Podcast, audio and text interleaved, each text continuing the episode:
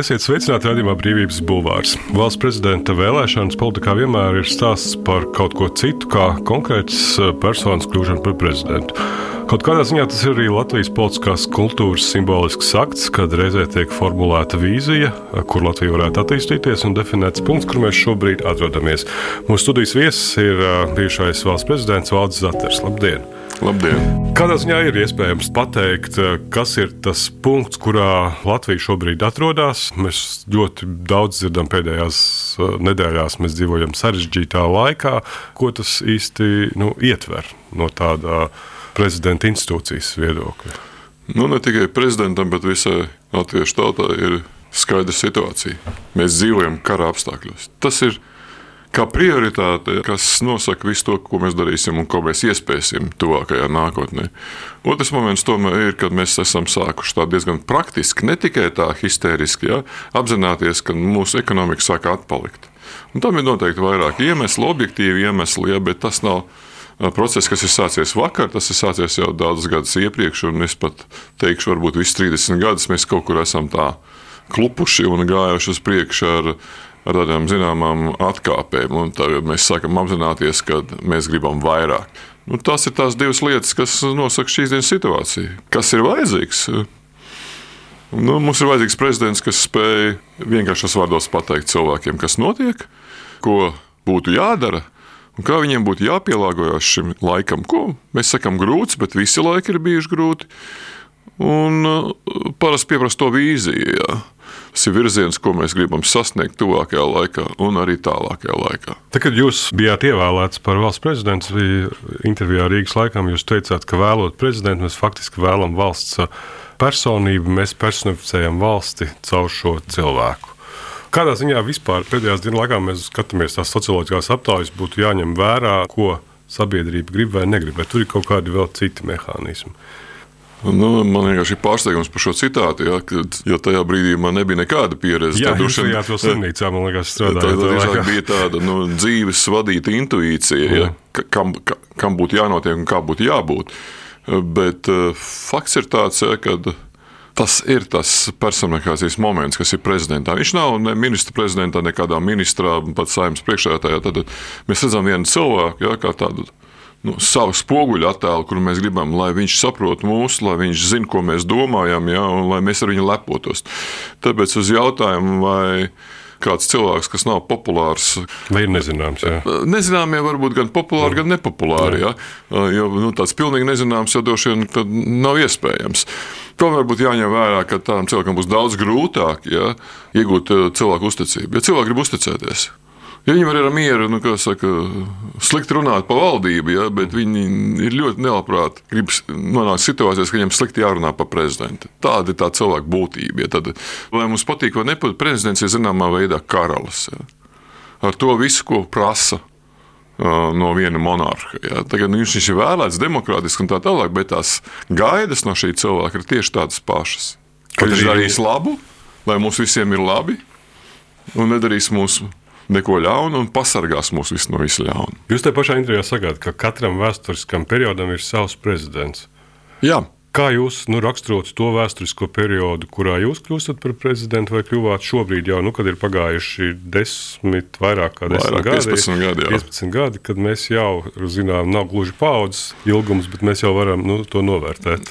Un kā ir šobrīd? Nu, toreiz man liekas, ka tas pats svarīgākais, un arī tagad man liekas, ka pats svarīgākais ir izglītība. Jo, ja mēs izglītojam savus bērnus, ja, un viņi kļūst gudri, zinoši, bezbailīgi, arī ja, tas ir tāds audzināšanas moments, ka tas ir pirmais, kas būtu jādara. Ja, un, un tas, protams, pačibēja jau reāli, teiksim, pirmā gada laikā, jo parādījās reāls grūtības, tāda ekonomiskā finanšu krīze, ja, kas lika jau darīt neatliekamos darbus. Un tā visa tā izglītības tāda kūrēšana, tādas rūpes par izglītību, ja tās nu, kaut kur palika pat ne otrā plānā, viņas vienkārši gaidīja citu laiku, ja, bet kad tas cits laiks pienāks, joprojām es nezinu, jo arī šobrīd tas jautājums ir tikpat svarīgs. Ja. Jo nav jau svarīgāk jautājumi, ja, kas nesīs jūsu idejas tālāk, kas nesīs jūsu valsti tālāk, ja, kas jūsu identitāti, kultūru nesīs tālāk, kas spēs būt konkurētspējīgi pasaulē. Tie ir jūsu bērni, neviens cits. Un šeit parādās arī to sieviešu atbildība, ja tāda sieviete māte, ja, kā viņai palīdzēt, lai viņa varētu izaudzināt ne tikai spēcīgas meitas, bet arī spēcīgus dēlus. Brīvība, robežas, personība, vara, tauta, ideja, viedoklis, nākotne, dzīve un attieksme. Raidījums Brīvības Bulvārs. Nu, bet varbūt ir tas iemesls, kā daži sociāli psihologi saka, ka dažas smadzeņu daļas, tad, kad uh, cilvēks kļūst varens, pārstāj darboties. Tā ir. ne, nu, cilvēks nevar vienlaicīgi darboties pilnīgi visos virzienos. Un tas attiecās gan uz prezidentu, gan uz jebkuru cilvēku. Jā. Un kāpēc? Tāpēc, ka nu, tā pasaule ir pārāk dažāda un viņi iet dažādos virzienos. Bet ir jāpasaka skaidrs, šis ir mans virziens. Šo es piedāvāju jums kā ceļu uz labāku dzīvi, jā, uz mierīgāku dzīvi, uz drošāku dzīvi, uz interesantāku dzīvi, jā, ko cilvēki arī pieņem. Tad. Bet bez prioritāšu noteikšanas nekas labs nesanāks. Ļoti svarīgi saprast, ka prezidenta amats nav amats, kuru vienkārši tu pildi. Pildi pienākumus, pildi likumā noteiktās lietas. Ja. Tas ir daudz lielāks amats, ja tev ir šis te, mm, radošais moments un atbildība pret visu tautu, pret visiem cilvēkiem, kas dzīvo. Jo, Jo to tā vai tā nedarīs. Vienmēr saka, ka es 30 gadus dzīvoju ar skolotāju streiku un nevaru saprast, kas tas ir tāds pastāvīgs stāvoklis, streikot, ja? Mhm. vai arī mūžīgās problēmas medicīnā. Nu, tas nozīmē to, ka Tā prioritāte ir tikai pasludināt, bet nekas netika viņa darīts. Prezidentiem ir daudz brīvāks rokas pateikt to un uzklausīt pats galvenais, ko cilvēki domā un kādas ir cilvēku vajadzības. Visdažādāko. Ja neviena partija neuzklausīs tādu cilvēku, kas neatbilst viņai, viņa ideoloģijai, kas iebilst viņa ideoloģijai, prezidentam tas ir pienākums dzirdēt visus. Bet nu, dažreiz tā arī var būt problēma, kā teiksim, Levitam pārmet, ka viņš pārāk izdevāja.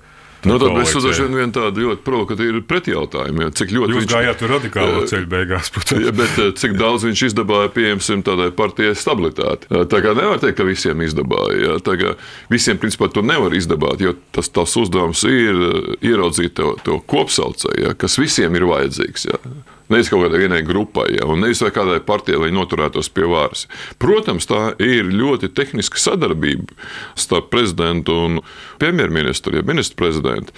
Bet atcerēsimies to arī Anglijas karalis reizē nedēļā tiekās ar premjeru. Kāpēc tas ir? Tad, tas ir tomēr, lai saliktu kopā šo lielo bildi, ko redz prezidents, ar tiem uzdevumiem, kas ir valdībai. Un tur nav nekas slikts, bet tas, ka prezidents vispār nekritizē valdību, arī tad, kad viņi smagi kļūdās, nu, tas nozīmē, ka nu, nu, kaut kas pietrūkst. Jo arī tas ir prezidenta uzdevums. Katrā kritiskā brīdī viņš ir tā, tāds cilvēks virs tās visas sistēmas, kurš parāda, ka kaut kas, kaut kas iet nepareizi, viņam momentāli jāiejaucas. Un momentāli nevis pēc tam, kad jau viss ir kaut kādā veidā kaut kā atrisinājies. Viņi saka, ka politikā ir intereses un vērtības, tad kā sabalansēt šīs lietas, jo daži saka, nu, gandrīz neiespējami. Pirmkārt, vērtības. Ir ceļš prezidenta amatā, tas ir vērtības. Ja, tad tu esi vērtības sargs. Un tev ir skaidri jāpasaka, kas tās ir par vērtībām. Jo mēs bieži vien piesaucam vērtības, bet nepasakot, kas tas ir. Un tam tas vārds vērtība devalvējās, jo viņam lēnām pazuda saturs. Kas tad ir tā vērtība, par kuru mēs iestājamies un kura dod mums iespējas? Ja? Jo, ja ir vērtības, ja, tad būs arī ekonomiskās iespējas. Edgars Falks, būdams vēl ārlietu ministrs, nāca klajā ar šo ideju par politisko nāciju. Šis, šis ir arī tāds domnīcas, protams, līmeņa jautājums par to, ka būtu jādiskutē par to, kā šī politiskā nācija Latvijā ir veidojama. Jo tāda diskusija mums īsti nav bijusi. Tomēr. Tāpēc, ka tas ir ikdienas jautājums. Protams, ir labi, ka kāda diskutē un radās idejas, kā to labāk izdarīt. Bet uz jautājumu, ko man bieži uzdod, kad mēs sāksim būvēt savu politisko nāciju, es saku, mēs viņu jau būvējam 30 gadus. Cik tālu mēs esam tikuši un ko mēs saprotam ar politisko nāciju. Politiskā nācija tā tomēr ir saliedēta nācija dažādu viedokļu pat arī pretēji viedokļi, saliedēti vienā virzienā. Mūsu valsts ir tā, kas mums var palīdzēt. Mūsu valsts ir tā, kas mums dod visas iespējas, arī domāt pilnīgi šķērsām. Jo tajā brīdī, kad mēs sākam iedomāties politisko nāciju kā kaut ko tādu viengabalainu, tad tā ir Ziemeļkoreja. Visi vienādi, visi domā vienādi, jā, visi ļoti saliedējušies. Tik tā saliedējušies, ka zin, nav vairs nekāda atšķirība starp cilvēkiem. Nē, atšķirīgs ir tās, kas virza cilvēks. Jā viena netradicionāla doma, var, un pat vienalga kāda opozicionāra doma virza palīdz veidot to, kas mums visiem ir kopēji nepieciešams. Tajā politiskā nācijā mēs jau būvējam tas, ka varbūt pietrūkst šīs diskusijas.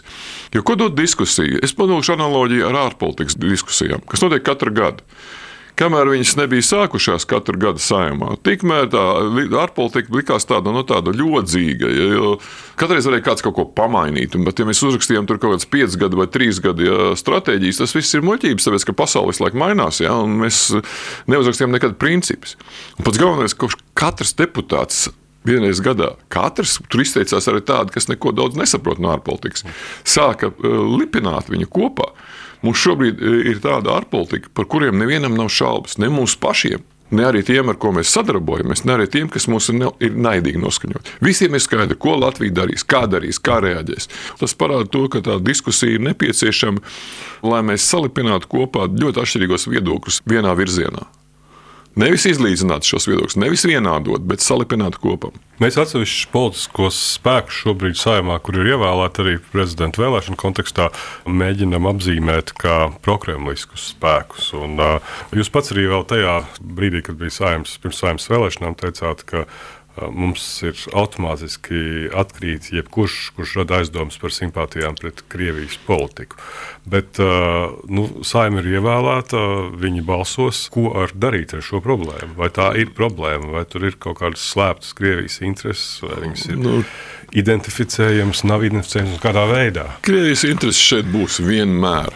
Vienmēr, ja.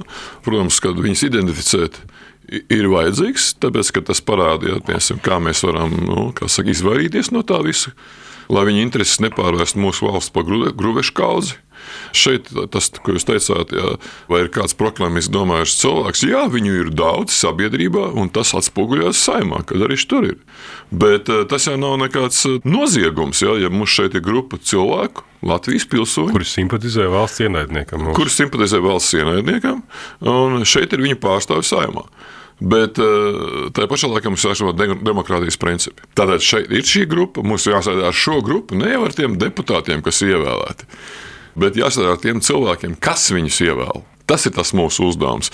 Un šobrīd, protams, tā situācija ir ļoti sarežģīta, mums pateikt, kur kāds domā, jā, ir ļoti grūti. Pirmkārt, neiespējami. Un tagad es teicu, ka vajadzētu Latvijas krieviem nu, doties 54. maijā un svinēt kopā un parādīt, ka viņi priecājās par šo valsts, priecājās par šīs valsts svētkiem. Tas ir praktiski tikai divreiz gadā. Man uzdeva vienu ļoti interesantu pretjautājumu. Nu, jā, bet mēs tur bijām, ja mēs runājām savā starpā krieviski, ja, un, un uz mums skatījās šķīvi. Un es domāju, kā lai es viņiem atbildētu. Tas teica, klausieties, bet varbūt tās ir divas dienas gadā, ka jūs arī savā starpā runājat latviešu valodā. Jā. Parādot šo cieņu, pārkārtot kam, kaut kam sevī pāri, jā, kad jums nav jā, obligāti jādemonstrē, ka mēs tā esam. Jā. Bet ka jūs esat vienota vesela nācija zem vienas valsts valodas. Tas divas reizes gadā. Šādi sīki solīši soli pa solim, kas audzina piederību valstī visos līmeņos. Ne tikai tāpēc, ka man šeit patīk dzīvot, ja, man šeit ir labs darbs, man ir iespējas biznesam, bet arī to, ka man varbūt pat vērtības ir tās pašas, ja, bet, bet tieši to, ka mēs esam vienoti ap šo valsti. Ap šīs valsts valodu. Ja. Jo kāpēc jāzina valoda? Tas ir kods. Jūs nesaprotat, kas šajā valstī notiek. Ja. Bet par preklamiskām partijām tas ir interesants fakts. Saskaņa. Tad Latvijas valstī ir reģistrēta partija, pēkšņi sāk rūpēties par Krievu pilsoņiem, kas ir šeit. Savāds 2,5 tūkstošus uz juridiskām konsultācijām, kādu nokārtot latviešu valodas eksāmenu un uzturēšanos. Nu, bija arī līgums ar vienoto Krieviju savā laikā. Savā laikā bija, bet, bet viens, tas, tas pilnīgi kaut kas tāds, tāds, tāds reāls. Ja, tad, tad, viņi nevis rūpēs par Latvijas pilsoņiem, bet viņi pēkšņi rūpēs par Krievijas pilsoņiem. Radījums Brīvības Bulvārs. Sarunas par to, kas notiek un ko mēs par to varam domāt. Radījumā Brīvības Bulvārs saruna ar bijušo valsts prezidentu Valdi Zahveru. Daudz apgalvoja pagājušā gadā, pēc 24. februāra, kad Krievija iebruka Ukrajinā, ka, ka šis notikums sakārtoja Latvijas politisko ainavu, proti, ka bija skaidrāk redzams, kas ir kas. Vai tas tā gluži ir? Tā ir tikai publiskā vide. Un, kā mēs redzam, publiskā vide šobrīd ir diezgan uh, nabadzīga, ja mēs runājam par dažādiem viedokļiem. Ļoti nabadzīga. Mums ir vai nu kaut kāda noslēgta mēdīja, kas veido šo krieviski domājošo vidi ar ļoti dažādiem uzskatiem, ja, dažādām vēlmēm. Tas, ka karš piespieda Latvijas sabiedrību, piemēram, visus tās locekļus padomāt par daudzām lietām. Tas ir fakts. Ieskaitot to, ka, nu, labi, kā šatrā vaļā visas latviešu brūces, tās, kas bija lēnām jau drusku aizdzījušas, ja, parā vaļā, parādīt dzīves realitāti un saprast, ka mums jābūt ļoti uzmanīgiem ar, ar daudzām lietām. Bet tajā pašā laikā šie Latvijas-Krievi iedzīvotāji, paudžu konflikts, ja, kāda ir mana attieksme, vai šie karavīri ir saka, etniski tuvi, kas nogalina, ja, vai nav. Un jautājums, kā es izturos pret ukrāņiem, tur, tur ir tik daudz jautājumu, ka nu, jāļauj cilvēkiem pašiem uz tiem iegūt atbildes. Mēs nevaram uztiept neko. Bet tas, ka mums ir, ir zināma stabilitāte, tas īstenībā ir sabiedrības briedums. Tas, par ko mēs nekad neesam ne, ne priecājušies, ne pat neesam pamanījuši, ka sabiedrības briedums ir jau tāds, jau, kad Mēs ļaujam cilvēkiem e, atklātā sabiedrībā tikt pašiem ar sevi galā, ja, un tad nākt ar savu. Bet tas, ka publiskā telpā pietrūks daudzas lietas, tas ir fakts. Ja jā. mēs tikai klusēsim, ja, tad mēs nekad neuzzināsim. Viena no lietām, kas noslēdzoties jūsu prezidentūrai savulaik tika iezīmēta, kas arī attiecīgi bija saistīta ar referendumu par sājumas atlaišanu un jūsu partijas izveidošanu, vēlāk lika runāt par to, ka ir kaut kāds tā saucamais oligarhu politiskās vēstures vai kultūras laiks Latvijas politikā beidzies. Vai mēs šobrīd varam runāt par to, ka tomēr pēc iepriekšējām saimnes vēlēšanām tas nav beidzies, bet kas ir iegūts jaunas, modificētas formas? Protams, ne, nemudinu jūs atjaunot partijas darbību. Tāda līdzība ja, ar atvasaru. Nu, atnāk tā atvasara septembra beigās, bet pēc tam vienalga iestājās rudens. Ja? Nu, varbūt teiksim, tā, tā neatlaidība, kas bija bijis Šlesaram, parādīja to, ka nu, ar neatlaidību un konsekvenci, un pat arī konsekventi vienkārši visu lamāšanu, ja? tu vari iegūt kaut kādu sabiedrības atbalstu, neapmierināto, ja? bet tā vairs nav sistēmiska vara. Tā vairs nav un nekad nebūs tie laiki ir pagājuši. Un tā kā šobrīd cenšas spekulēt ar, ar Lembergu, ja tas tur runā ar Lembergu, nē, tas tur runā. Tas vienkārši smieklīgi. Ja, jo, ko mēs redzam pašreizējā politiskajā vidē, un arī mediju vidī, mediji nav gatavi īsti, nu, ko viņi jautā tiem kandidātiem meklē kaut kādas dzīves, ja kaut kādas epizodes, kāpēc jūs bijāt tautas partijā, kāpēc jūs dzīvojat ārzemēs, ja visu laiku esat tik ilgi amatā. Nu, tad visādi tādas kaut kādas lietas, kas īstenībā nav būtiskas. Ja? Būtiskas, kas notiek šodien, jo tā viss ir pagātne. Tagad, lai pajautātu pavisam vienkāršas lietas, kas daudz ko pastāstītu par šiem kandidātiem, piemēram, vienkārši jautājums. Vai esat padomājis, kurš būs jūsu prezidenta kancelēs vadītājs? Tātad jūsu uzticamības persona, jūsu labā roka. Neviens to nav pajautājis. Izsēlies, tas nav svarīgi. Gan jau pienāks tas periods, ka kādu ievēlēs, viņam katru otro dienu prasīs, kāda būs jūsu komanda. Vai varam piesim tāds attieksmes jautājums? Ja? Sakiet, lūdzu, ja kā jūs esat iedomājies savu inaugurācijas ceremoniju gadījumā, ja jūs ievēlēsiet? Tas ļoti daudz pasaka par cilvēku. Valds Zetlers bija valsts prezidents no 2007. līdz 2011. gadam. Pirms tam strādājis kā traumatoloģijas un ortopēdijas slimnīcas valdes priekšsādātājs, bijis ārsts Rīgas otrajā slimnīcā un arī valsts traumatoloģijas un ortopēdijas slimnīcā. Valdes Atlera prezidentūras periods iezīmējās ar nopietnu ekonomiskās krīzes problēmu pārvarēšanu. Savas prezidentūras noslēgumā tiešraidē uzrunāt tautai Latvijas televīzijai un radio Viņš paziņoja, ka desmitā sājuma pēc balsojuma, ar kuru liedz veikt krimināla procesā plānotu kratīšanu deputāta Aināša Lezera dzīvesvietā, ir zaudējis uzticību un ierosināja referendumu par sājumas atlaišanu. Runā prezidents toreiz brīdināja par demokrātiskās pārvaldes nopietnu apdraudējumu valstī un oligarhu pieaugušo ietekmi uz lēmumu pieņemšanu saimā, netieši norādot uz trīs tā dēvēto oligarhu vārdiem. Valsts atvers ir pirmais Latvijas valsts prezidents, kurš izmanto iespēju rosināt atlaist sājumu. Vēlāk nodibināja Latvijas reformu partiju, kas tika ievēlēta nākamajā sājumā.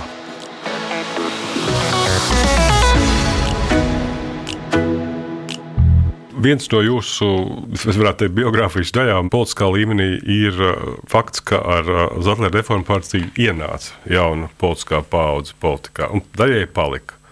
Bet, varētu teikt, tas bija mēģinājums, bet kas izrādījās pietiekami sarežģīts. Un pastāv, nu, mēs vēlēšanu kontekstā, saimnes vēlēšanu kontekstā šeit arī studijā runājām par to, ka lielā mērā daļa no šiem jauniem ne, politiķiem kaut kā turpina reprezentēt to iepriekšējo politiku, nevis veido jaunu. Kādēļ tas notiek tādā veidā? Kādēļ ir tik sarežģīti? Pirmkārt, tas bija viens no maniem mērķiem Jo caur vecām politiskām partijām ļoti grūti jaunai paudzei iesaisties.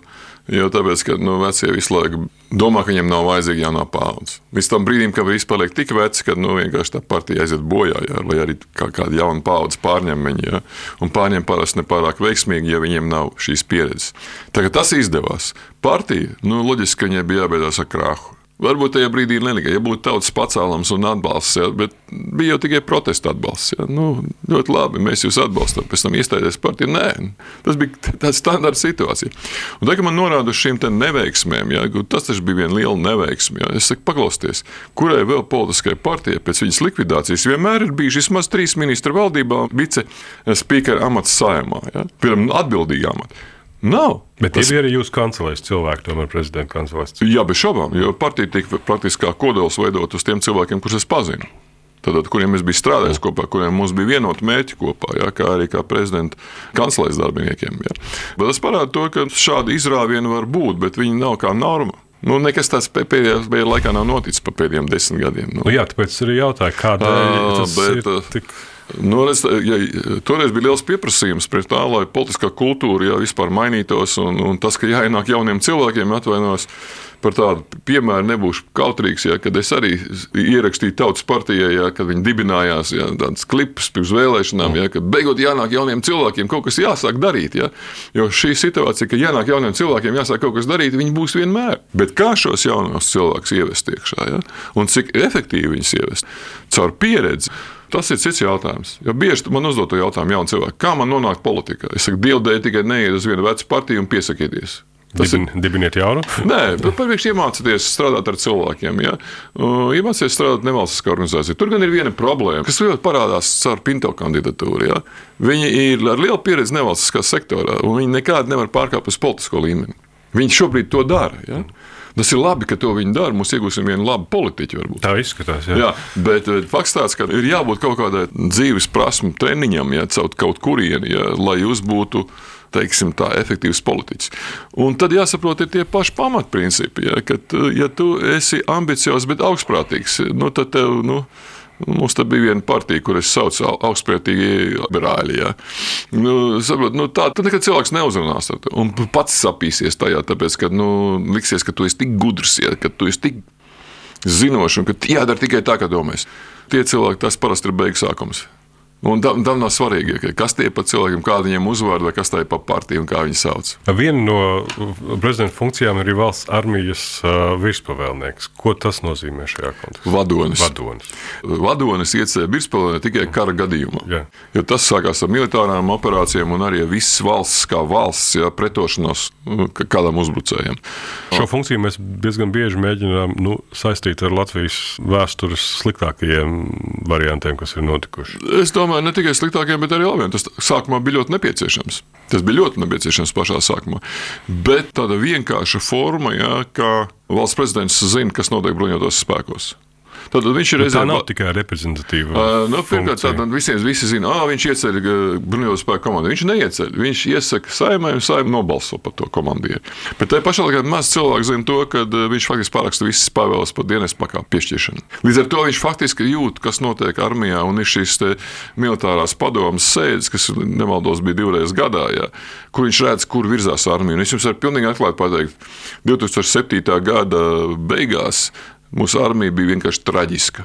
Nu, man pat nemilitāram cilvēkam, ja šī pirmā sēde atstāja tādu iespēju, ka es domāju, vai mums vispār ir vajadzīga armija, ja viņi ir tik slikti, ja tik slikti domājoši, tik bez tādiem skaidriem aizsardzības mērķiem un tā tālāk. Un tad, kad es beidzu četri gadi vēlāk, ienāca armijā cita paudze virsnieku un tajā bija pavisam cita armija. Un es domāju, ka šodien tā armija ir ļoti laba. Jo kopš Afganistānas, tas bija arī Afganistānas periods, citu valstu militāri personas vienmēr ir atzinīgi izteikušies par mūsu karavīriem. Tātad tie ir labas kvalitātes. Un ir kā prezidents, kas var pateikt kaut ko, kas ir vajadzīgs cilvēkiem, lai viņi saprastu, ko dara mūsu armija kāpēc viņi ir vajadzīgi. Ja, ja nav šī militārā komponenta, runāt par drošību, piedodiet, ir tas pats, zin, ka divi grāmatveži runā par to, kādu firmu mēs būvēsim. Ja.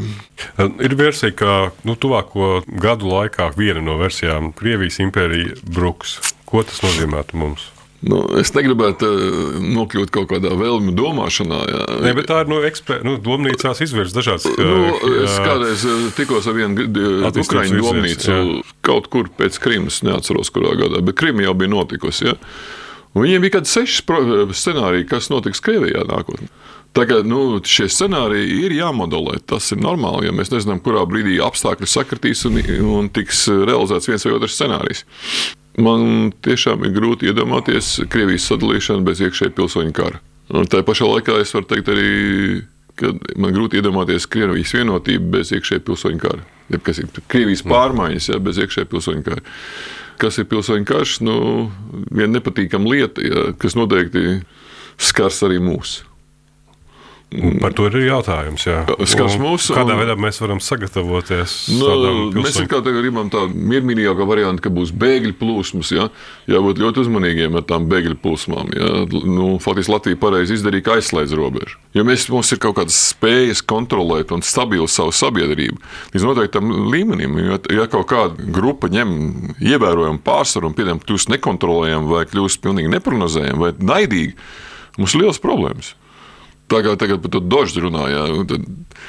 Es teicu, mēs pareizi darījām, ka ielaidām, un pareizi, ka izraidījām. Jo tā, tajā brīdī, kad mūsu visas krievu tantiņas sāk sadīt zeķes Krievijas karaspēku zaldātiem, ja, mums ir liels problēmas. Mums ir ļoti liels problēmas. Jo, jūs saprotat, šī emocionālā līdzjūšana vai emocionālā darbība, ja, viņi ļoti šķeļ. Viņi pēc tam ļoti grūti ir nomierināti praktiski neiespējami nomierināt. Ja? Man bija viens arī paziņa, ja, krievu diplomāts. Viņš teica, ka viņi gāja ārā no Dresdenes. Viņš saka, es nespēju iedomāties to. Tas mans kolēģis, ko mēs strādājām kopā, teica, ka tie ir iebīgie vācieši. Viņi nogalināja manu tēvu. Un tas bija kad, kad krita Brīnīnas siena. Cik daudz desmit gadus pēc kara. Tā kā jūs šīs negatīvās emocijas vai arī tādas emocionālas simpātijas kaut kam ļoti mūsu nepieņemamam, viņas tā nepazūd. Es Rīgas laika intervijā ar jums atradu tādu vietu, kur jūs teicāt, dzīve iet tikai vienā virzienā uz priekšu, mēs ejam tikai vienā virzienā. Un pienāk brīdis, kad tas augstākais punkts ir pārvarēts, un mēs ejam uz leju. Bet, uh, kad jūs esat augstākajā punktā, jums tas ir jāapzinās. Jūs sakāt, kas tad bija tas jūsu dzīves augstākais punkts, par kuru jūs teikt, vai tas vēl es, nav bijis? Es, tieši tā, es, jūs uzmanījāt man atbildi. Es dzīvoju tā, ka man augstākā punkta vēl nav bijis. Tad, tas nozīmē, ka es izvirzu kaut kādus mērķus sev. Jā, ka jūs vēl, vēlreiz varētu sājumu atlaist. Jā. uh, o, nē, tajā matā es nekad vairs nebūšu. Jā. Tāpēc, ka tas ir bijis mans laiks, jā, mana iespēja, manu spēku, maksimālo spēku atdeve tad, kad tas bija nepieciešams. Jo būsim godīgi, ja katram cilvēkam viņa dzīvē ir kaut kādi nu, desmit gadi. Nu, dažiem varbūt vairāk, kad viņš var strādāt tā, kā jāstrādā valsts prezidentam. Protams, valsts prezidents var arī nestrādāt. Pateikt, es, man te ir reprezentatīva funkcija, ja, un es te sēžu un tikai skatos uz visām pusēm un smaidu. Par reprezentācijas funkciju mēs ļoti bieži saprotam, reprezentē nozīmē nekā nedarīšana. Nē, reprezentē nozīmē pārstāvēt. Tad reprezentēt nozīmē arī kalpot, paust savas tautas, savas valsts viedokli ārpusē. Šeit uz iekšā, teiksim, mēģināt pārstāvēt katru to novadu, kurā tu iebrauc un satiecies ar cilvēkiem. Cilvēki mums ir dažādi. Tātad tas drīzāk nozīmē kalpot un paust savas tautas intereses. Aktīvi paust. Jā, nevis teikt, nu, es te vienkārši esmu, man ir smuka bilde, jā, un tas ir viss. Kas man liekas, nav pareizi, ja, ja iedomājas, ka prezidenta amata pienākums var pildīt. Nē, tev vienkārši jābūt pamatā prezidentam visā savā būtībā, visā savā domāšanā. Un tas ir tas pirmais, kas kandidātam ir jāizdara tajā brīdī, kad viņi ievēl. Veltīt to mēnesi, lai paceltu sevi no vienalga, kas viņš ir bijis pirms tam, no tā līmeņa, uz prezidentālo līmeni, prezidentālās domāšanas līmeni. Nu, paskatīsimies, kuru ievēlēs, ja, un, un, un kāda panākuma tam cilvēkam būs. Paldies! Tas bija Valdis Zatlers, radījums Brīvības Bulvārs. Mans vārds Gins Grūbi, radījuma ierakstīja Toms Šits un Monteja Normīs. Paldies! Brīvība ir brīvība. Nevienlīdzība vai taisnīgums, vai kultūra, vai cilvēks laime. Tā teica Iesai Berlīns. Sarunas ar brīvas apziņas un ideju cilvēkiem radījumā Brīvības bulvārs.